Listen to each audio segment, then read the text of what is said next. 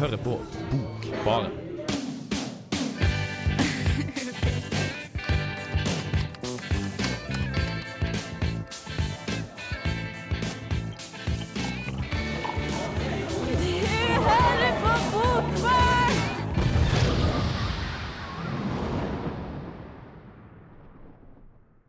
Jeg heter Anne B. Ragde og er forfatter.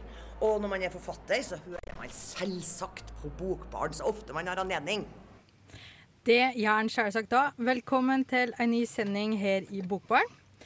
Eh, og vi må jo si det, Emma og Johannes, det var jo ingen tilfeldighet at Anne B. Ragde fikk innlede denne sendinga her. Nei, det var jo ikke det. Hun har jo kommet med en ny bok i høst. Den har Mhm. kommet ut, sant? Ja, Ja, den, den kom i august, tror jeg. Den, um, det er den som heter 'Libhaberne'. Libhaberne, ja. Ja. det stemmer. Den er ansett som femte og avsluttende roman i Berlinerpoplene, det som tidligere var Berlinerpoplene-triologien. da. Ja, fjerde, vel. Fjerde roman. Nei, ja, femte faktisk. Femte roman? Ja da, Kom en i fjor, da. Oh, ja, så det ble først fra trilogi til eh, fire, og så fem? Å ja, såpass, ja. Okay. Så Anne B. skriver eh, raskt. Klarer slett- rett og slett ikke å gi seg med den eh, serien der. Nei. Eller det, hun har antagelig gjort det nå, da. Men vi skal jo nå rett og slett ha en rein Anne B. Ragde-sending i dag. Denne her er trønderforfatteren litteraturkinnere elsker å hate, vil nå jeg si. Emma, har du noe forhold til Anne B. fra før? Eh, nei, jeg har lest eh, Berlinerpoplene, og jeg lurer på om jeg har lest den andre boka i serien òg, men det var når jeg var tenåring, så jeg huska veldig lite av det. Og jeg hadde kanskje ikke det samme kritiske blikket som jeg har i dag, da. Men jeg tror jeg syntes det var artig. Jeg så serien, det husker jeg det syntes var artig. Ja. Ja. Det, det er vel òg det. Og så har jeg sett henne en gang på gata i Trondheim og vært veldig starstruck. Det er vel det nærmeste jeg kommer å ha et forhold til henne. Ja. Nei, for min del må jeg har litt samme inntrykket som det du skisserer, Siri. Ikke at jeg er noe fullverdig litteraturviter, men det, det er litt sånn Det er litt for mainstream underholdningslitteratur, da. Litt sånn eh, Jeg vet ikke. Ja, hvorfor er det det? Hvorfor tror du det?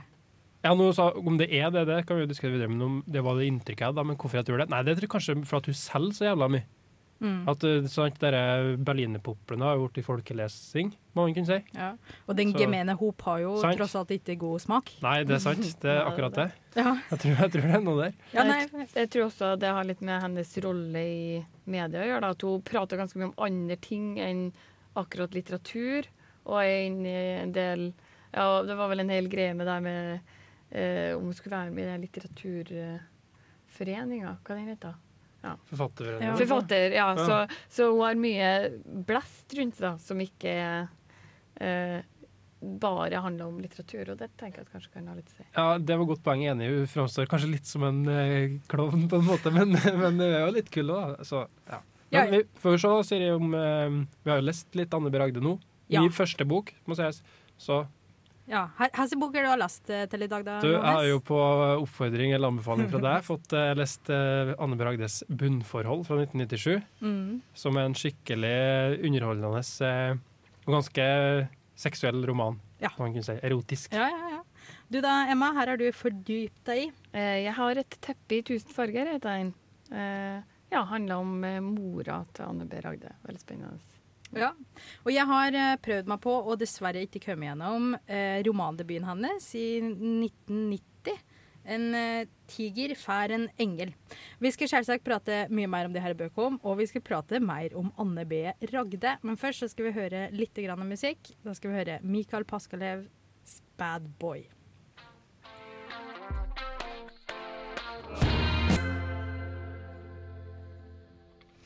Vi kjører jo rett og slett på med Anne B. Ragde-sending i Bokbaren i dag, vi. Og um, Emma, her kan du om Anne B. Ragde. Uh, ja, jeg vil si at det kanskje er litt begrensa, men jeg vet jo at hun er Hun er vel født og oppvokst i Trondheim. Hun er i hvert fall oppvokst i Trondheim og bor vel her ennå. Har eh, vel produsert ganske mye litteratur. Jeg har eh, hørt intervjuer med henne hvor hun sier at hun er, er glad i penger. Hun er jo vokst opp eh, i en ganske fattig heim og glad i å ja, å ha det godt økonomisk. Da, så jeg forstår det. Jeg hørte eh, at hun fortalte på et intervju at hun gjerne eh, kjøper opp eh, bøker som forlagene skal brenne, og så selger hun det på, på julemesse. Så Ja. det er jo penger. Ja, men hvor, eh, Hvilken klasse tror dere hun er i når det gjelder sånn rikdom? Er hun sånn Jo Nesbø-rik, liksom? At hun er blitt millionær på bøkene sine? Tror dere det? Jeg veit ikke, men jeg tror, slik jeg har skjønt det, så har hun det økonomisk romslig. Og det tror jeg at uansett her hun hadde endt opp med, så tror jeg at hun hadde sett eh, Pass på slik at hun fikk det, da. For hun er, som du sier, hun virker til å være veldig opptatt av å ha den der, liksom, den sånn økonomiske tryggheten. Da. Luksus, kanskje litt sånn hedonist, virker det som for meg. Ja. Nei, ikke nødvendigvis. Det er kanskje litt uh, skrue-McDuck, nesten. Ja. Jeg kan ikke se for meg at hun sløser så jævla mye. Og jeg tror hun er glad i å jeg unnsetting, tipper jeg. Kanskje Jeg vet ikke, nå har jeg lest fra, rom, fra romanen jeg har lest eh, til i dag, da. Ja. Så kan det, hvis det stemmer det bildet hun lager av seg sjøl der, så kan det hende at hun er glad i å bruke penger på mat og vin og reise og sånt. Og pistoler. Det tror jeg på. Og, Og pistoler. Å ja. Ja, okay. Ja hun, hun um, har et uh, Her er det de like, skap. Skap, ja. Ja. Eller Pistols, eller våpenskap. Våpenskap, ja. liksom. ja. Hun har et våpenskap Oi, som hun har låst alle pistolene sine inn i, så hun er glad i å skute med. litt med litt forfatterkarakter. Men Ja da. Hun er nok en sammensatt uh, dame. Men Bra. du eh, Johannes, her visste du om Anne B før i dag? Nei, Som jeg sa tidligere, så har jeg jo ikke lest noe, så jeg kunne jo ikke egentlig så veldig mye. Men det var litt det vi snakka om i stad, mer som hennes, inntrykket mitt av hennes personlighet. Og så visste jeg at hun sto bak den gigasuksessen Berliner Poplen òg. Mm. Um, noe jeg ikke visste, som jeg har funnet ut ettersom jeg søkte litt om hun nå, var hvor allsidig forfatter hun er. Ja. Hun skrev jo flere ba det, det, du, du, um, Debuten som du har, Siri, det var en roman? var det? Ja. Men hun skrev fullt av barnebøker og ungdomsbøker på, på 90-tallet. Og har jo skrevet som den boka jeg har helt til andre enden, som er litt erotisk. Jeg snakka med mora mi om Anne Bragde, og, hun, og så sa hun at hun har skrevet noen bøker som er litt vovet. Har ute. ikke det? Vovet. Vovet. Sa du her du leste det? Ja, det sa jeg, mamma. Jeg leser som er vovet. Eh, jeg leser jeg dem, ja. Ja, ok. Ja, ja nei, vet du, jeg faktisk så satte jeg meg ned og prøvde å telle over eh, antallet hun har gitt ut av forskjellige typer bøker, da, sjangerbøker. Så ikke ta alle disse tallene her for god fisk, for jeg har som sagt sittet og, og telt sjøl. Men jeg tror jeg kom fram til at hun har gitt ut 15 barnebøker, ei diktsamling for unger og fem ungdomsbøker. Ungdomsbøker, ja. Og blant annet er det en, eh, en av de ungdomsbøkene som heter På kloss hold. Og for vi som er litt gamle, vi husker kanskje filmen Lime som kom i 2001. Jeg vet ikke om du husker den? Nei. Nei. Det var kanskje akkurat et par år for unge til å få med deg den på kino. Eh, men så har hun gitt ut ja, 16 romaner og flere novellesamlinger og dikt og humorbøker, og blant annet ei bok sammen med Unni Lindell. Ja. For jeg tror det er den tingen jeg forbinder mest på Anne B. Ragde, er vennskapet med Unni Lindell. Ja, det er enig, det glemte jeg. Men, ja, men det viser jo en uh, ganske imponerende bredde, syns jeg. At du har, um, Nå har ikke jeg lest noen av de andre bøkene, men jeg tror at uh, ettersom du er utgitt på et stort og seriøst forlag, så er det et godt tegn for Anne B. det, At du, Ja. Ja, det er et inntrykk jeg har fra boka mi som jeg har lest òg, at du behersker håndverket bra, da. Tror jeg. Ja, det tror jeg. Og jeg kan bare fortsette, fortsette med fun fact-ranten om Ja, ja, Anne B. Hun har jo fått flere priser òg, faktisk. Både Bokhandlerprisen og Trondheim kommunes kulturpris, Den norske leseprisen og Riksmorsprisen for nettopp den her Berlinerpoplene-suksessen, da. Nå, nå snakker vi jo om henne med litt sånn kanskje overraskelse over at hun faktisk har fått priser og sånn, men det som kanskje må sies, er at altså den superstjerneforfatteren som har blitt, kom ikke litt etter Berlinerpoplene, egentlig, som Jo. kom ut på 2000-tallet. Så Ja. hadde hun liksom 15 år med, eller 20 år med forfatterkarriere før det. Ja, hun hadde det. Og det er jo derfor vi nå eh, skal begynne. Vi begynner rett og slett på begynnelsen med romandebuten i 1990, 'En engel for en tiger'. For den, jeg skal fortelle litt om den boka. Eh, men først så skal vi høre 'Anna of the North' med 'Money'.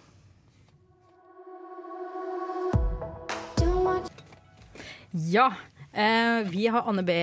Ragde spesial. Eh, og jeg tenkte jeg skulle prate litt om romandebuten hennes. For hun, jo, hun debuterte jo egentlig i 1986, men det var med barnebok. Faktisk. Så, så det, er, eh, det er da 31 år siden hun begynte å skrive. Da skriver, da skriver, jeg, her, da skriver jeg faktisk over gjennomsnittet over ei bok i året. Det er ganske drøyt. Hun er skriver utrolig mye. Ja.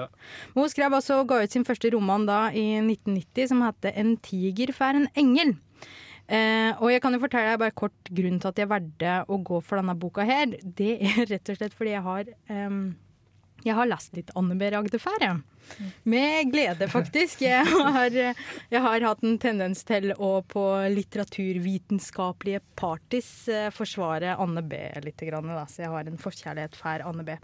Så jeg gleder meg egentlig veldig til å ta tak i debuten hennes og så se på en måte henne, forfatterskapet hennes starte. da.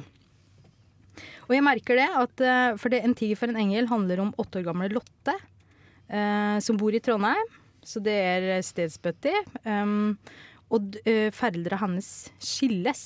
Og dette er satt til 60-tallet. Da er det jo ikke for det første vanlig at folk skilles, og for det andre så er det veldig mye stigma rundt det at det er du som eh, særlig mor da blir forlatt av, av faren og blir alene med unger. Eller ungen, da. Eh, Lotte er enebarn her. Så det er, eh, det er en roman som handler veldig mye om, om uh, Hesse Lotte må takle at foreldre går ifra hverandre, og takle at mora syns det er så utrolig trist, og, og takle den ensomheten som kommer. Eh, og hun drømmer, og hun har en farmor som bor i Perlevik, som er et sted på Vestlandet, og hun drømmer seg på en måte veldig mye tilbake dit, da. Tilbake til, eh, til Vestlandet og de her hyggelige, koselige dagene, sommerdagene på, på Vestlandet. Så det er, det er, jo, det er jo ingen barnebok, men det handler allikevel om en, om en unge, da. Og, um, og det føler jeg er veldig sånn typisk Anne B. Ragde, å ta litt party med de som kanskje ikke har den stemmen sjøl, da. Ja.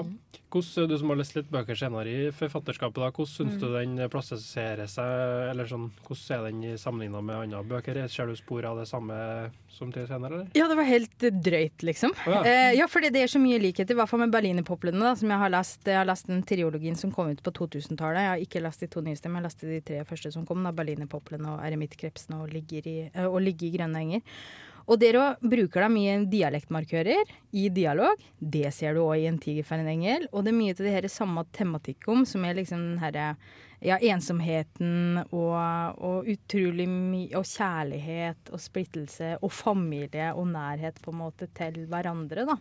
Og nærhet til, til dyr og, og greier, ikke minst. For det her gården på Vestlandet der farmora bor, så er det jo masse dyr. slik det er òg en gård i, i Berliner Poplum, da. Så hun virker til å på en måte skrive og bruke om igjen veldig mye av de samme temaene og veldig mye av de samme her eh, skjønnlitterære grepa, da. Men det handler sikkert om at hun veit at de fungerer. Ja, Hun har på en måte funnet sine grep på sin, eh, sitt område tidlig. Ja, jeg, jeg vil egentlig tro det. Ja. Så, eh, men det er, eh, det er litt sånn eim av 1900-talls norsk eh, naturalisme i det, og det liker jeg, da. Det kan jeg sette pris på. Mm. Men uh, ifra naturalisme til erotikk, du har jo lest ei bok som kom i 1997, så det er litt seinere i forfatterskapet, Johannes. Uh, jeg tenkte Vi skal straks prate om den, men først så skal vi høre litt mer musikk. Så skal vi høre Mats Svava med 'Days Like This'. Kjærlighet er et tema som Anne B. Ragde skriver utrolig mye om. Vanligvis kanskje mer i familierelasjoner og ikke like fullt seksualisert som i den boka du har lest eh, til i dag, Johannes. Ja, jeg fikk jo tips fra deg en gang, Siri, og da ryker vi rett ut på erotiske hjørnet. da, vet du. Ja. 'Bunnforholdet' heter romanen, utgitt i 1997. Um, kan jeg si litt om handlinga i romanen først, tenkte jeg kanskje. da. Eh, romanen handler om eh, Edel, en, som en forhenværende lærer. Hun er i perm etter å ha vunnet en milliongevinst i Lotto. Og det hun da driver med, det er mest å slappe av og drive dank i leiligheten sin i Trondheim, virker det som. Så da så får hun da en oppringning fra en eh, bjørn som ringer til hun en feiltagelse. Um, altså Han har ringt feil nummer, rett og slett. Og de kommer i prat og finner tonen godt, og de blir ganske godt kjent over telefon. da. Um, men de er på en måte enige om å Eller først skal jeg si videre at de får um, altså mer enn god kontakt. De begynner å på en måte prate eh, ganske erotisk og seksuelt. Da og begynner å um, uh, Som det ser, står på romanens første side, hun får seg en telefonelsker. Uh, det vil si at de prater erotisk da, og mens de onanerer i romanen. Så de er da enige om å på en måte holde den her da, tonen og um, sin anonymitet, så de på en måte vet på en måte ikke mer om hverandre enn det navnet. da. Og at Bjørn antageligvis bor i Oslo, på dialekten tipper Edel det. Eh, videre i romanen da, så ringer jo Bjørn med jevne mellomrom, da, og, um, og de småprater og flørter, som leder over i eh, mer erotisk eh, flørt, kan man si. Deling av seksuelle fantasier, og selvfølgelig stadig akkompagnert av ymse former for onani. Eh, og da videre da, så oppfordrer Bjørn eh, Edel da, til å utforske seksualiteten sin. Og det fører hun ut i en eh, oppdagelsesreise, en odyssé kan man nærmest si, inn i seksuell, seksuelle fantasier og begjær.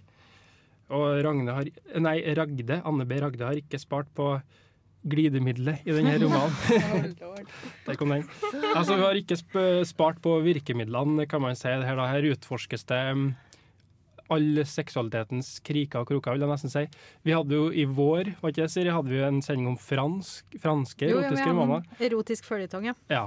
Men jeg vil kanskje si at uh, Ragde sine skildringer og um, tematiske krumspring, krumspring ikke står så mye tilbake for, uh, for dem. da. For her får man nemlig utforska internettporno med bl.a. dyr, tissing og bæsjing og SM. Og opp konkrete opplevelser som Edel har, da, som er beskrevet i, romanen. Med uh, analsex, lesbesex og tissing. Så er masse snacks for den som uh, liker Ja. erotisk litteratur. Ok, jeg, var- jeg, mm. ja, nå sitter jo Emma og jeg fnise litt i studio mens du, mens du forteller om det her. Men eh, det jeg husker godt ifra, for jeg leste denne romanen her, det er jo derfor jeg har anbefalt den, for jeg syns egentlig det er en veldig artig roman. Men det jeg husker så godt, er at denne kom jo i 97, og internett var jo på en måte et litt nytt fenomen da. Det er helt enig, det er veldig godt poeng. Det var noe jeg merket meg tidlig, at det var ganske sånn artig. Det jeg møtt på i flere romaner eller i flere bøker fra den tida det, slutten av 90-tallet i Norge. For det var da omtrent fra midten av 90-tallet utover at internett kom til private folk i Norge da. At det er en sånn undring og noe mystisk over det. og blant annet bare i det at hun beskriver hvordan hun Dere husker modem? At man må ta modem for å koble seg opp til internett. og Da måtte du ta ut telefonkontakten da, for å få kontakt med internett opp mot modemet. Det er jo forhistorisk nå, da. Men altså det hun beskriver, hvordan hun gjør det, på en måte beskrive for leseren, så leseren skal forstå. da, Og litt sånn internett. Ja, her kan man søke Er det ikke fantastisk, liksom? Det er sånn eh, undring over at her kan man søke på alt mulig. Så i starten, da, som jeg sa, så er Edel på en måte litt uh, hovedkarakteren. Litt mer sånn uh, Hun søker etter lynnedslag, og hvordan eh, hun skal beskjære et tre som hun har i hagen sin. Litt mer sånne ting. Og så senere da, så kommer vi på det litt mer eh, seksuelle fantasiene som da Bjørn oppfordrer til. da, så liksom Du må frigjøre deg selv, kvinne. Så da begynner hun å søke etter eh, ja, internett som er mørkere ting. da. Men det er som du sier, sier en ganske artig observasjon at uh, internett på en måte ikke er det så selvfølgelig som det er i dag. da. Um, og jeg tenkte på hun liksom hoved... Um, Hovedmåten for de har for å kommunisere, da, er jo telefon. Det er på en måte ikke, Selv om eh, chatting over nett og tematiseres, da, så er det um, så er det på en måte telefon det skjer, da. Og ja, jeg tenkte litt på det med sånn seksuell frigjøring, om det har skjedd mye ting der også, ja, 97, jeg vet ikke. Men jeg syns kanskje liksom tematikken til Ragde da virker litt sånn eh, Litt sånn forelda i dag, kanskje. Ja, men det er jo skrevet fra et kvinnes perspektiv òg, er det ikke det? Ja, men vel, tenkte jeg. Men um, ja, som sagt, det er masse Det er ganske skøy og underholdende, i hvert fall, denne boka. her. Det er masse greier. Så vi skal høre øhm, et utdrag som, Eller en, en collage, kan man vel si. En smakfull collage som jeg har satt sammen her. Eh, ja, som er litt utdrag fra boka, sånn, så lytteren kan få litt eh, ja, en smakebit av hva som, hvilke scener som utspiller seg. Seksuelle scener som utspiller seg.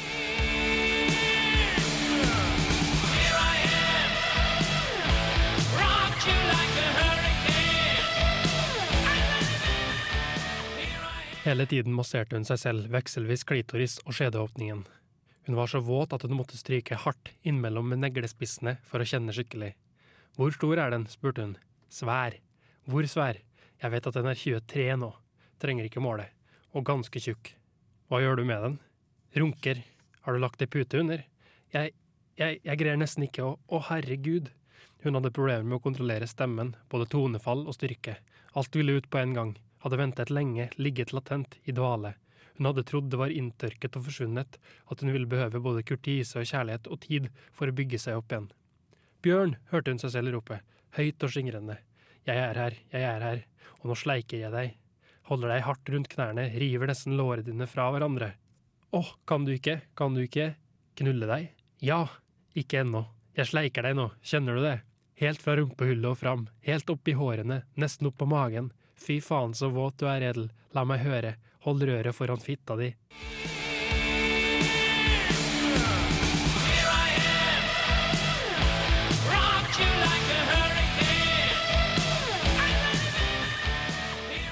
Åpningen hadde viet seg ut, slappet av, lot dette lemmet ture frem som det ville.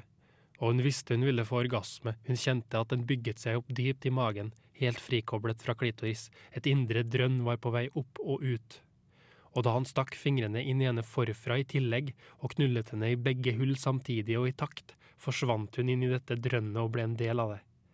Overkroppen skurte frem og tilbake på madrassen, dynetrekket fiklet med brystvortene hennes, pusten hans gikk vilt og hiksende, og hun trodde hun skrek, om igjen og om igjen, til fingrene og pikken hans ble til to skaft hun hang hjelpeløst fra, og alt samlet seg til en stram knute som knep henne sammen i en uendelig lang spasme som fikk lunger og hjerte til å stanse helt opp, før kroppen hennes ble til en vuggende lang bølge av vellyst som rant rundt bak øynene, flammet ut i tungespissen, helt ned i tåneglene.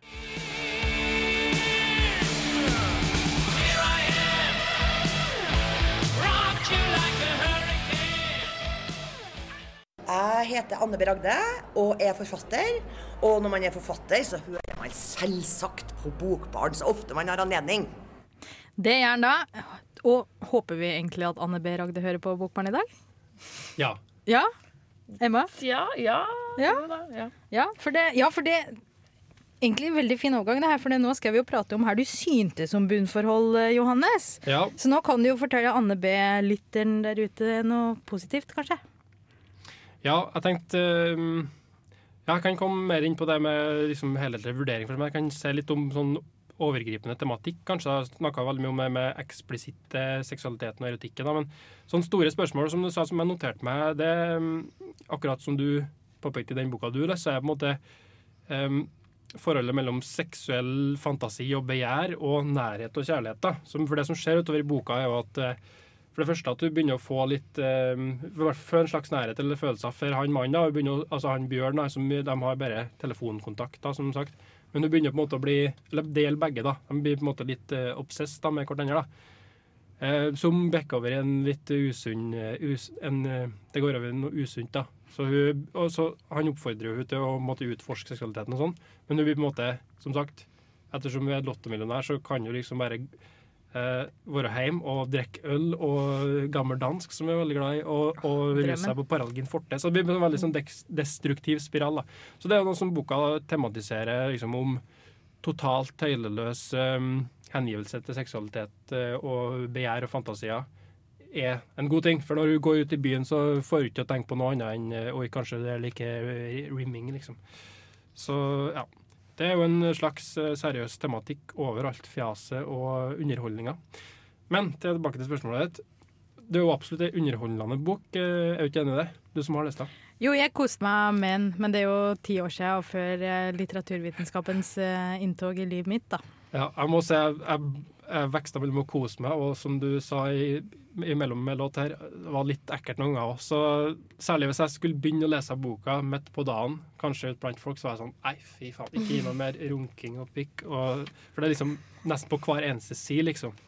Så um, ja. Men eh, når jeg satt og drakk litt øl hjemme og koset la skammen til side, så kosa jeg meg mer. Men um, det fører over i et annet aspekt av boka som jeg syns er veldig bra. Da, og det er nettopp det at hun skriver veldig effektivt og underholdende. Mm. Det er aldri kjedelig. Særlig sånn overgang mellom scenene som hun beskriver. Da, for det er veldig sånn scenebasert. Enten det er i leiligheten hennes, eh, korte turer hun går ut for å handle på butikken eller sånn, og eh, observasjoner og miljøskildringer som er bra. Så, og det, Scenene blir aldri for lange, da, så, og hun er veldig flink til å kutte over i en helt ny scene og på en måte, ved, med første setning sette leseren inn i en ny situasjon. Ja. Så som vi snakka om, et godt håndverk. Jeg syns du har et veldig bra språk med en del sånn fine litterære virkemidler, bilder, fine fantasifulle bilder. Jo, Ja, men mye, bare mye gode fantasier. Ja, som i ble sagt om eh, i forbindelse med den livhaverne, så. At vi er gode til å skildre hverdagslighet, da, og det Mm. syns jeg er sant. Ja. Enn du, eh, Emma? Føler du at du får lyst til å lese boka? Ja, jeg blir jo litt nysgjerrig, da. Det må jeg si. Det definitivt. Eh, men eh, ja, jeg har ikke lest så mye erotiske romaner, så kanskje det bunnforhold forbi min, en av mine første. da. Ja. Kanskje min første. ja. Ja, som, som jeg sa, man må jo legge skammen fra seg og være litt eh, innstilt på det, på en måte, men eh, man, det, man blir hvert fall, kjeder seg i hvert fall ikke. Nei. Nei, det er sant. Det er sant. Ja, og det er grunnen til at jeg anbefalte det deg og Johannes, var mm. jo egentlig for det Ja, for det første så er det jo egentlig en artig bok i sin helhet, og sk Ja. skrevet fra et kvinne, kvinnes perspektiv, da, seksuelle perspektiv. Men det har faen meg en helt drøy slutt. Og nå skal ikke vi spoile den, men Ja. den er verdt å lese på grunn av den den slutten. er kul, effektivt uh, fortellergrep. det. Jeg må bare si en ting om det med kvinnelig perspektiv. Som du sa, det var ikke på en måte så mye som uh, Man merker jo at, det er at hun er kvinnelig um, forteller, og at det er fra det perspektivet. Men det var på en måte ikke så mye som overrasker meg så mye likevel. Bortsett fra én ting. Og det var da hun eh, En liten eh, spoiler, en annen liten scene, da, men ikke så viktig. Da hun har lesbesex og får på seg en eh, sånn strap-on-dildo, Mm. hvordan følelse er det du føler på da? Jo, følelsen av makt. Å ha et utstående redskap fra kroppen, og ikke bare være en mottaker. Så, right, jeg den, det hadde ikke tenkt på før. Nei, all right. Nei, men nå skal vi straks hoppe gode i hvert fall 10, nesten 20 år eh, fram i tid med boka du har lest, Emma. Men først skal vi høre litt musikk. Da skal vi høre Elida Høgmanns 'Winter Sun'.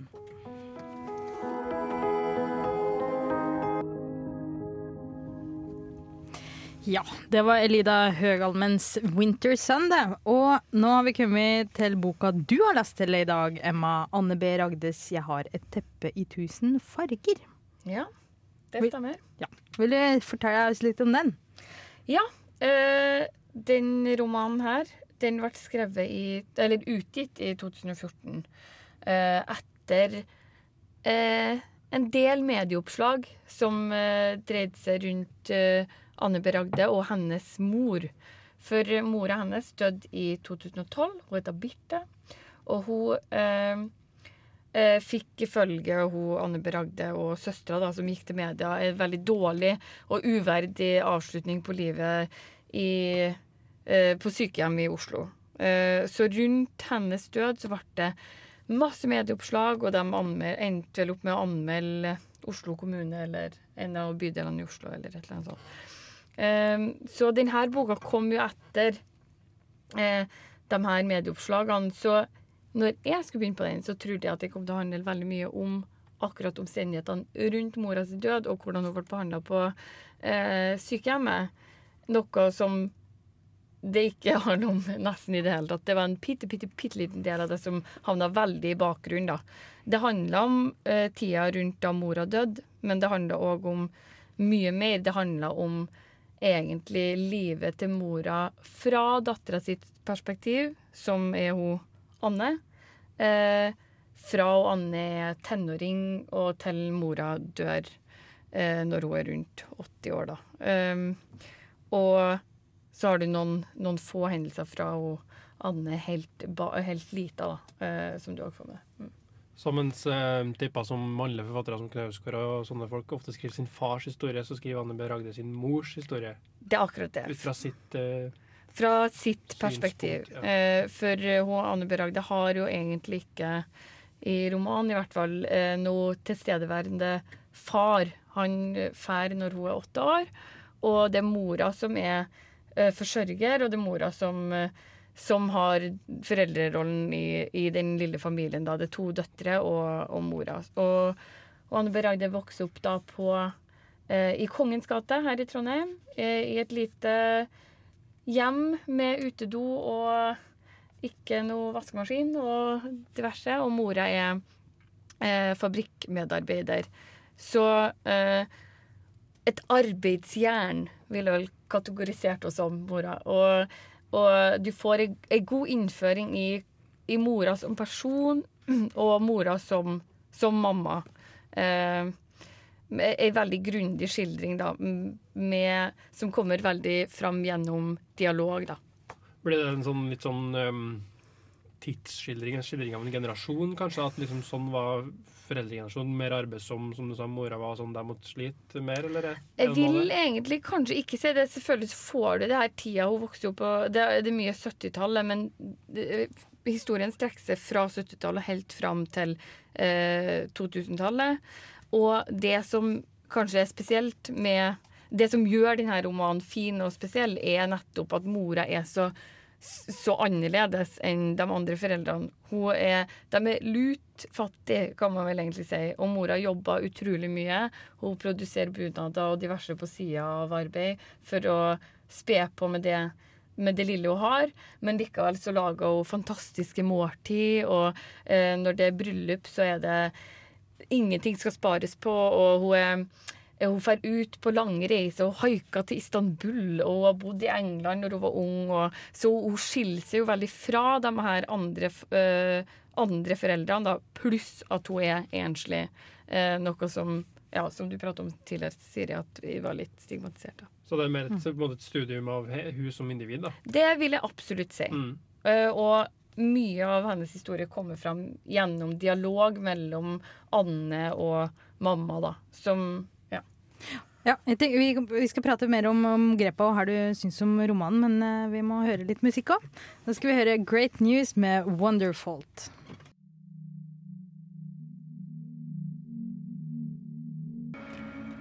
Så jeg har et teppe i tusen farger av Anne B. Ragde. Emma, den har jo du lest til i dag. Ja. ja. Det har jeg. Og det er en roman full av dialog. Jeg tenkte jeg skulle lese et lite utdrag som illustrerer eh, hvordan eh, Ja, hvordan hun bruker dialog til å fortelle veldig mye, da, eh, i denne romanen. Og de snakka om eh, at hun eh, mamma, da, hun mora i romanen, hun var ute og reist når hun var i 50-årene. Hun, hun, eh, etter at hun Anne skilte seg, så måtte hun se opp jobben og fære ut på tur, for hun ble så rastløs og, og måtte ha noe annet å hjelpe med. Um, så da sier hun mora Jeg visste da virkelig ikke på det tidspunktet at jeg ville ende i Istanbul, Anne. Jeg var bare helt gal av utferdstrang. Det er 381 mil mellom Trondheim og Istanbul, mamma. Jeg har sjekket. Hvor lang utferd må man egentlig gi seg ut på for å bli fornøyd? Det virket da som om du trivdes hjemme også. Du pyntet og snekret og bakte og innredet og styra på og var i, go ø, i godt humør.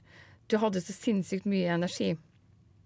Og jeg syns den måten som, eh, som hun Anne her liksom baka inn hvordan ting var hjemme, illustrerer veldig hvordan nesten hele romanen her er.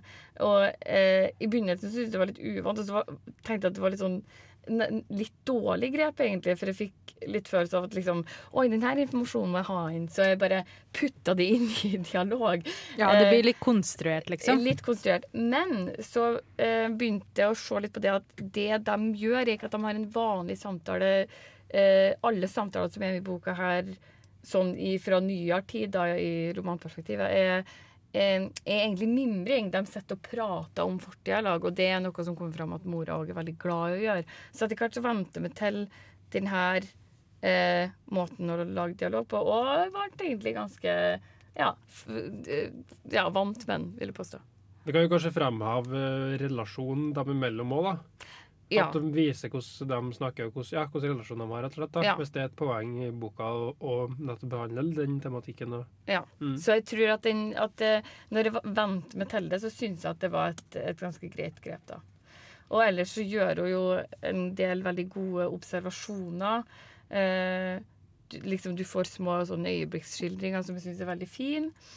Og, og ikke minst så er, kommer det veldig tydelig fram hvilken fantastisk personlighet denne mora, som egentlig er sentrum i den romanen her, er, da. Hvor spennende hun er og hvor Jeg tenker kanskje at hun er litt fanga i, i sin tid. da. At hun er et menneske som, som eh, er husmor og fabrikkarbeider, men som egentlig er veldig belest og bereist og kan flere språk og burde kanskje ha, ha fått hjelpe med andre ting. Og det hadde hun sikkert gjort hvis hun ikke hadde vært ung på 60-tallet. Mm. Og småbarnsmor alene, antagelig. Ja, nettopp. Her syns du om eh, boka i sin helhet, da? Jeg syns eh, Når jeg ble vant til den, så syns jeg den var bra. Den var veldig artig å lese. Det er sånn som Johannes pratet om eh, forrige roman òg, at den, den var veldig eh, Altså, det er ikke et kjedelig øyeblikk, og hun har med så mange, mange små historier inn i historien. Egentlig så er denne romanen bygd opp av flere små historier. Det handler bare om forskjellige epoker i livet. og forskjellige, Det handler om bryllup, og det handler om når eh, faren forlater familien. Og det, og det bygges opp historier rundt de her tingene. Og den ender opp med å være en veldig god leseropplevelse. Eh, og jeg tror jeg kommer til å huske på en måte karakteren mora, men kanskje ikke så mye det rundt, da. Hvis eh, man kan si det sånn. Hvordan syns du det var å lese om Trondheim på 60-, 70-, 80-tallet, da? Ja, det er jo veldig spennende at de billigste plassene å bo var i Kongens gate og Prinsens Ja. gate. Det. Det har jeg hørt litt på. Eh, og, og det er jo spennende òg at de vokste opp midt i Trondheim med utedo og med en mor som var fabrikkarbeider, blant annet. Noe kanskje ikke jeg hadde sett for meg helt. Eh, til og med mine foreldre som vokste opp på, på Ja, i hvert fall min mor som vokste opp i, på bygda, de hadde jo vannklosett. Ja. Så Kan jo kanskje tilføye da at um, Anne Beragde da, i, som mange i sin generasjon har gjort en slags eh, eh, klassereise da, for å utdanne. Um, Ja. Kan filol, leste jeg ikke det tilsvarer. Eller hun har hovedfag i amerikanske massemediekommunikasjon. Ja, det er det. Så, hovedfag, i hvert fall. Ja, ikke sant? Slags, Men eh. Anne B, altså fullt av overraskelser. Hæ? Ja, en, Nå- enigma. enigma. Nå skal vi høre litt uh, musikk. Vi skal høre Heinz med 'Caribbean Moon'.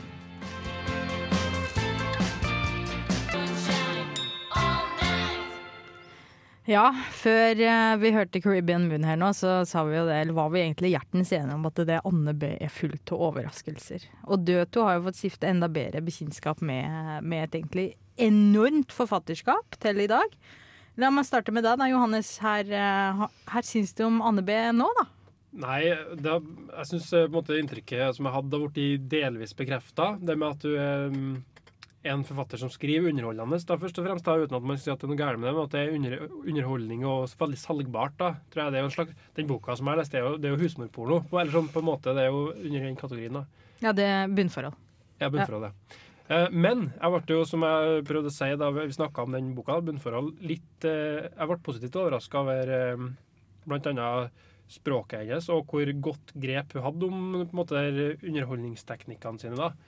Fordi at eh, Ja. Man kan jo si så mye man vil at det er liksom enkle grep og sånn, og det, det er det jo kanskje, men det er jo ikke en kunst, det òg, da. Jo. Så kombinert med at hun hadde et overraskende eh, bra språk og, og driv da i boka, og at eh, som sagt, hun behersker det hun gjør så godt, så ble jeg egentlig litt sånn OK, det var ikke så verst. Det var ganske liksom bra. Altså, litt, sånn, litt sånn som DDE er bra, liksom. De, de, jo, men også når du ser Bjarne kommer på scenen, han gir liksom publikum akkurat det de vil ha. Liksom, de kan det, de gjør det bra. Og sånn er det med hun òg. Liksom, OK, du kan godt kritisere for ikke å være så bra litteratur, det kan du, men fy faen som hun treffer spikeren på hodet. Ja, Ja. Med sin uh, vovede fantasi. Vovet, ja. Ja. For de som ikke vet, for det visste ikke jeg, det betyr dristig eller uanstendig. Ja. All right. Enn du da, Emma? Du hadde jo lest litt tidligere.